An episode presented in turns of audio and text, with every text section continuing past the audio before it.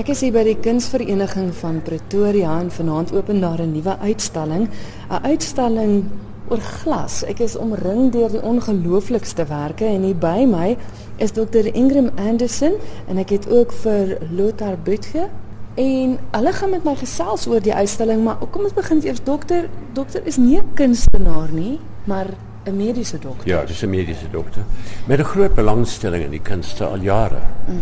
Uh nie net glas nie, maar uh in die laaste 20 of 30 jaar 'n ernstige versamelaar.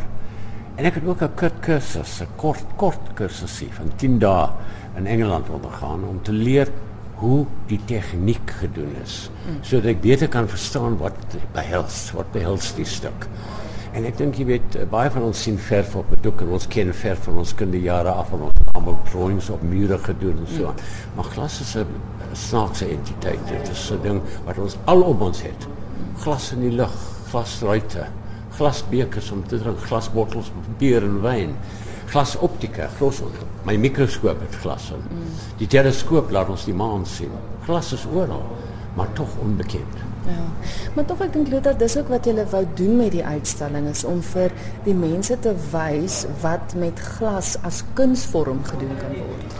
Ja, dis een een aspek is om te wys wat wat aangaan, maar dis ook ek om om 'n gesprek te begin. Hmm. Om om om glas ook in die milieu van van die kunste in te bring en, en dat dit nie net ehm um, die die die mooi bakkies en craftiness is nie. Mm. En natuurlik Pretoria het baie glasmakers hierbo in in Gauteng, maar ons het ook mense daar selfs ons wat ingekom het nou van van die Kaap wat ook natuurlik uitstel. So dit is 'n dit is 'n interessante mengelmoes en ek dink dit is uh, ek hooplik is dit 'n beginpunt van van groter dinge wat gaan kan gebeur. Nou jy's 'n groot naam in in die glasbedryf en ons gaan juist nou begin met met een van jou werke want daar's drie tegnieke het jy nou my verduidelik wat mens gebruik om om om ja, glas kunswerke te maak. Ja, daar's drie vorms. Goed. Glas. Die een is as hy koud is. Ja. Dan kan jy hom kerf, jy kan hom grafier, uh, jy kan hom kap met 'n diamant en jy kan slyp. Mhm. Mm en dit is een van die dinge wat lote doen en jy kan hom ook saam sit vassit. Nie met hitte nie, maar met 'n spesiale gom. Met 'n IV IV gom. gom. Dat jy amper nie die lyn as jy 'n goeie slyper is, kom daardie twee stukke so pragtig by mekaar dat jy nie die lyn kan sien nie. Dis 'n koue werk.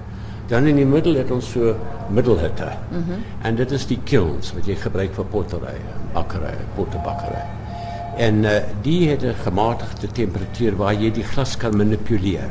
Jy kan hom trek in lang stukke, jy kan hom draai, jy kan hom laat sak. Ons noem dit in Engels slumped glass. Jy kan verskillende dinge met hom doen. Mm -hmm. En dan by 'n hoër temperatuur word hy eintlik 'n sogenaamde vloeistof. Kyk, glas is nie solied nie. Mm. Hy het nie die kristalvorm van 'n solied nie. En mense sê die ou kerkvensters begin sak want hy is nie 'n ware egte klipharde ding nie. Maar ek weet nie of dit waar is nie. Maar nietemin die blaasbare as jy dink aan 'n glasmaker en jy blaas, ja. daar moet jy die groot hitte gebruik en dit is 'n furnace. En dis is hy vloeibaar dan is. As hy vloeibaar, amper so stroop. Ja.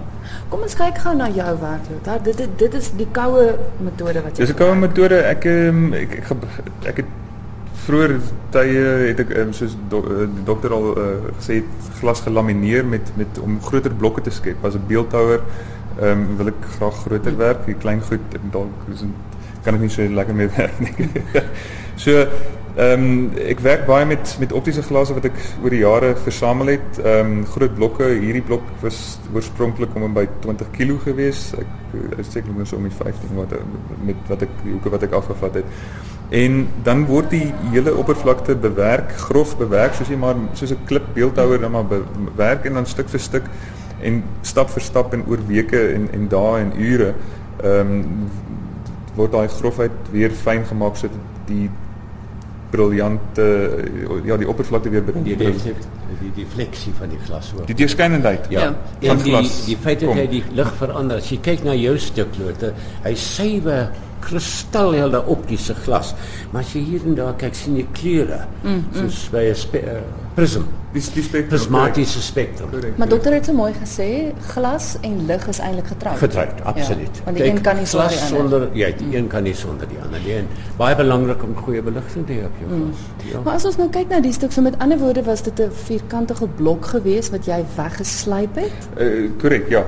Dit was so die formaat. Hy was 'n dit was 'n plat blok gewees Ja, ten minste. ja. Ja, maar ek het is ek ek approach ek ek Jou benadering. Ek benader ek benader hierdie hierdie glas in 'n beeldhouerige manier, miskien partykeer ook nie heeltemal tradisioneel nie of ehm uh, uh, maar, maar dit is uh, Maar jy moet jouself nie onderskat nie. Een van die punte van koue werk is dit vat 'n lang tyd. Mm, mm. 'n Glasblaser sit sy yster in die in die bron van die vuur in die uh, die, die die die molten glas in.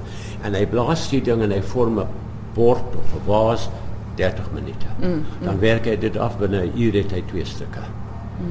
So baie mense sê maar hoekom betaal ek whatever daardie stuk glas vir 40000 rand? Wel eerstens die kristal kos baie en tweedens die werk wat daartoe gewyd is is ekstreem, is lank.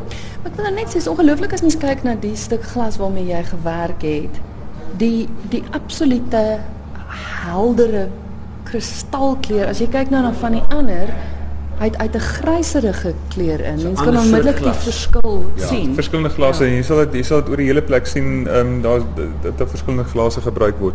Natuurlik ook met die tegnieke, byvoorbeeld die werk hierso ehm um, van David Reed. David Reed ja. Ehm um, is geblaaste glas.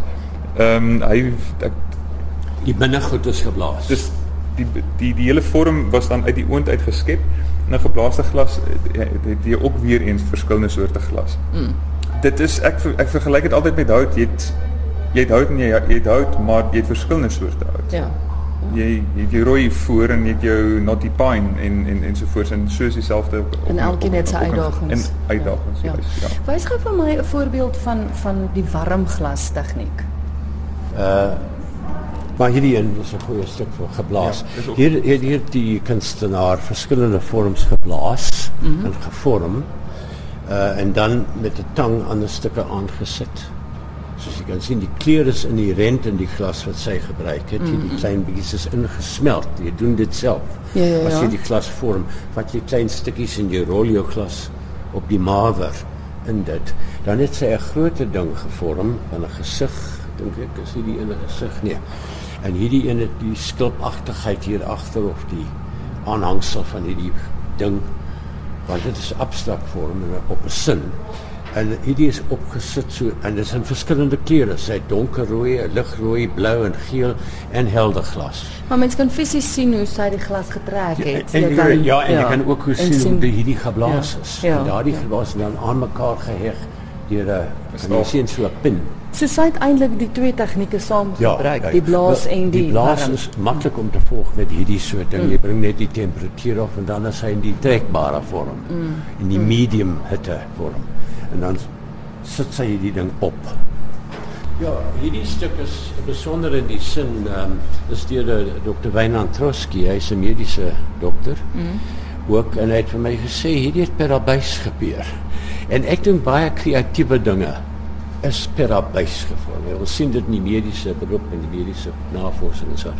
Hier het hy glas laat deurgaan deur iets.